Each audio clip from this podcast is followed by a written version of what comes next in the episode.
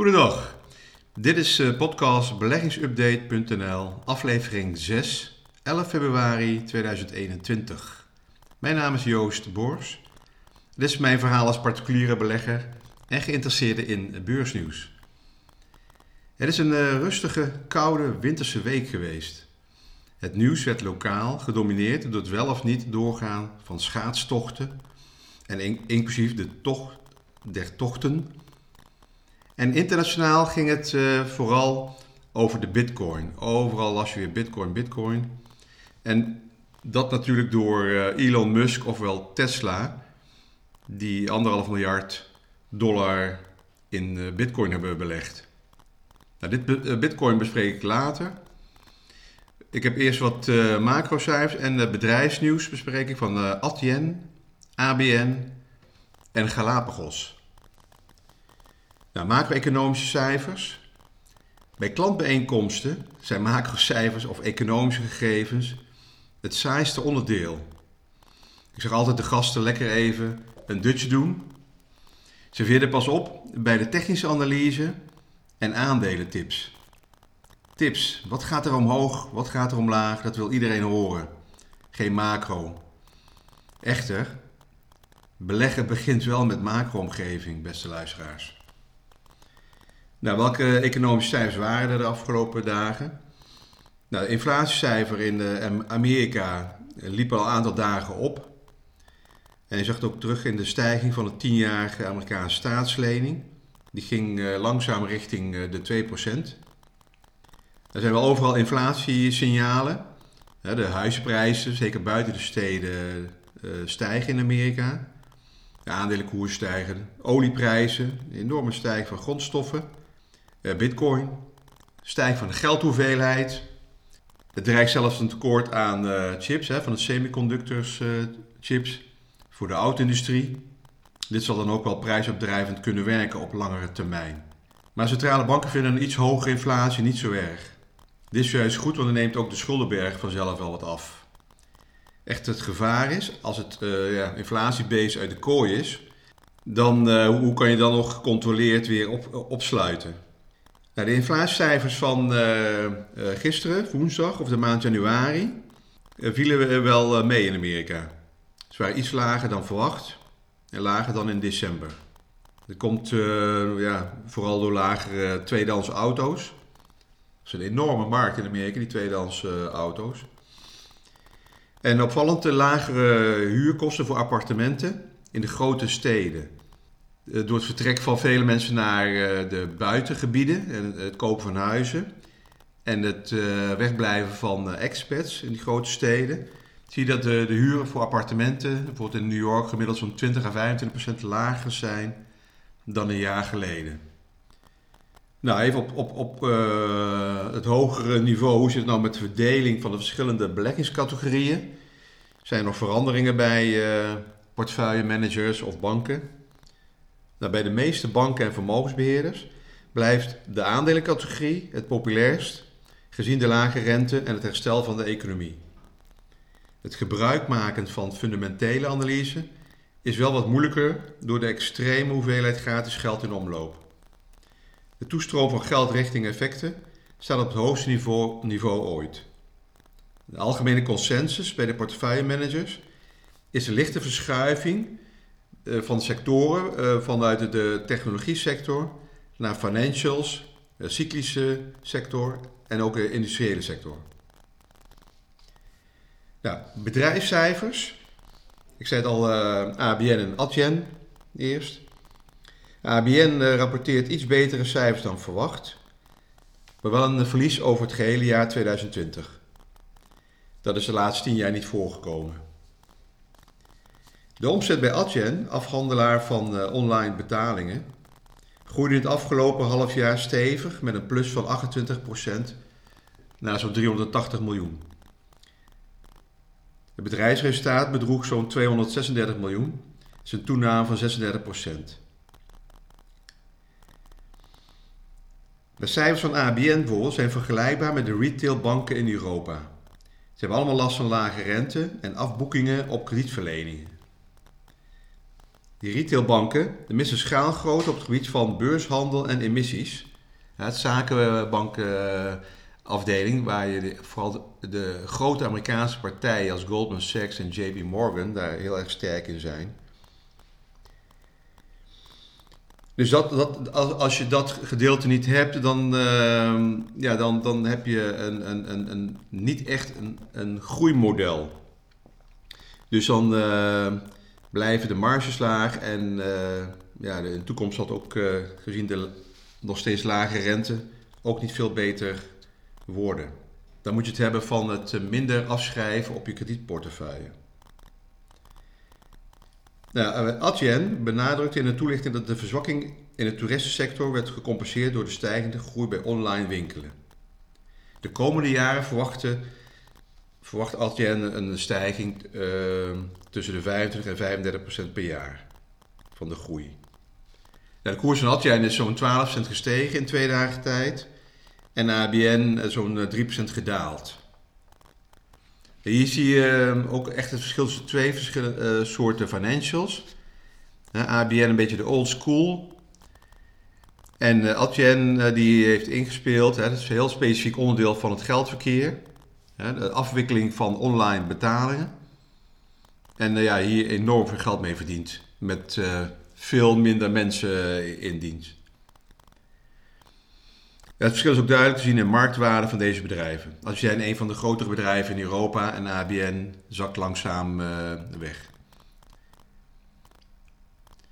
Nou, Galapagos uh, die kwam met slecht nieuws uh, gisteren. Er stopt met het onderzoek naar het medicijn tegen longziekte. En de koers zakte zo'n 20%. Het, er waren te veel bijwerkingen. Het was wel het belangrijkste kandidaat geneesmiddel voor Galapagos. Dus dat wordt uh, wel even een, uh, een, een, probleem de komende jaren voor Galapagos. Dan hebben ze wel heel erg veel geld in kas. Ze hebben uh, zelfs iets meer geld in kas dan wat de beurswaarde op dit moment is. Dus ik denk als Gilead al zijnde een, op het lage niveau toch beginnen met misschien denken oh, aan een bod uitbrengen op Galapagos en het gewoon van de beurs halen. Nou, in het algemeen zijn de cijfers van Amerikaanse bedrijven in de SP 500 verrassend goed. Zo'n 80% van alle bedrijven die cijfers hebben gemeld zijn beter dan verwacht. Dat ondersteunt dus de stijging van de beurzen. Oké, belangrijkste nieuws van de week, de bitcoin. De stijging van de bitcoin vanwege de aankoop door Tesla. Nou was de bitcoin al uh, zes maanden aan het stijgen, maar uh, de laatste weken gaat het wel heel erg hard. Tesla heeft anderhalf miljard van de kaspositie omgezet in bitcoins. Dit werd vooraf door Elon Musk via Twitter aangekondigd en stond uh, ook in een deel van het jaarverslag. Ja, Musk was wel al, een maand bezig met het promoten van crypto, cryptocurrencies, waaronder onder ook Dogecoin een fictieve coin die nu een marktwaarde heeft van 10 miljard dollar. Maar eigenlijk niks anders is dan een, ja, een, een foto van een hond. Dus twee opvallende zaken. De macht en kracht van social media en wat is waarde. Social media en influencers, bijvoorbeeld zoals Musk met 40 miljoen volgers op eh, Twitter. Forumgroepen bij Reddit en bijvoorbeeld een, een, familie Kardashian met gezamenlijk zo'n 300 miljoen volgers uh, op Instagram. Die hebben echt wel macht. Daar ga ik straks een paar voorbeelden van geven. Nou, Elon Musk wordt gezien als een visionair en alles wat hij doet verandert in goud. Dus zijn uitspraken over beurzen, effecten of grondstoffen of valuta's via Twitter zet de massa in beweging. Dus niemand luistert eigenlijk meer naar strategen uh, en of analisten van banken. Maar Elon Musk leidt ons de weg naar rijkdom. Zorgelijk dus dat fundamentele analisten door social media influencers worden weggeblazen. Mark Cuban, een andere persoonlijkheid en private equity miljardair, geeft bijvoorbeeld aan dat hij uh, Dogecoin, dat is ook zo'n crypto munt, dat het totaal geen intrinsieke waarde heeft. Maar hij vindt het wel leuk om te kopen als educatie en beter dan het kopen van een staatslot. Hij heeft voor zo'n 10 dollar wat coins voor zijn zoon gekocht. En samen volgen ze nu de koers en leert hij zijn tienjarige zoon iets over de financiële wereld. De Dogecoin staat 7 dollar cent. Maar uh, ja, volgens Cuban is het gewoon een uh, leuk spelletje en kan beter daarin wat geld in vergokken dan met krasloten. Nou, wat is nou de waarde van de bitcoin? Bitcoin is een vorm van elektronisch geld en tevens de naam van een open source software die is ontworpen om dit te gebruiken. Het is een van de eerste implementaties van een concept genaamd cryptocurrency. En het werd voor het eerst omschreven in 1998 uh, door uh, cyberpunks.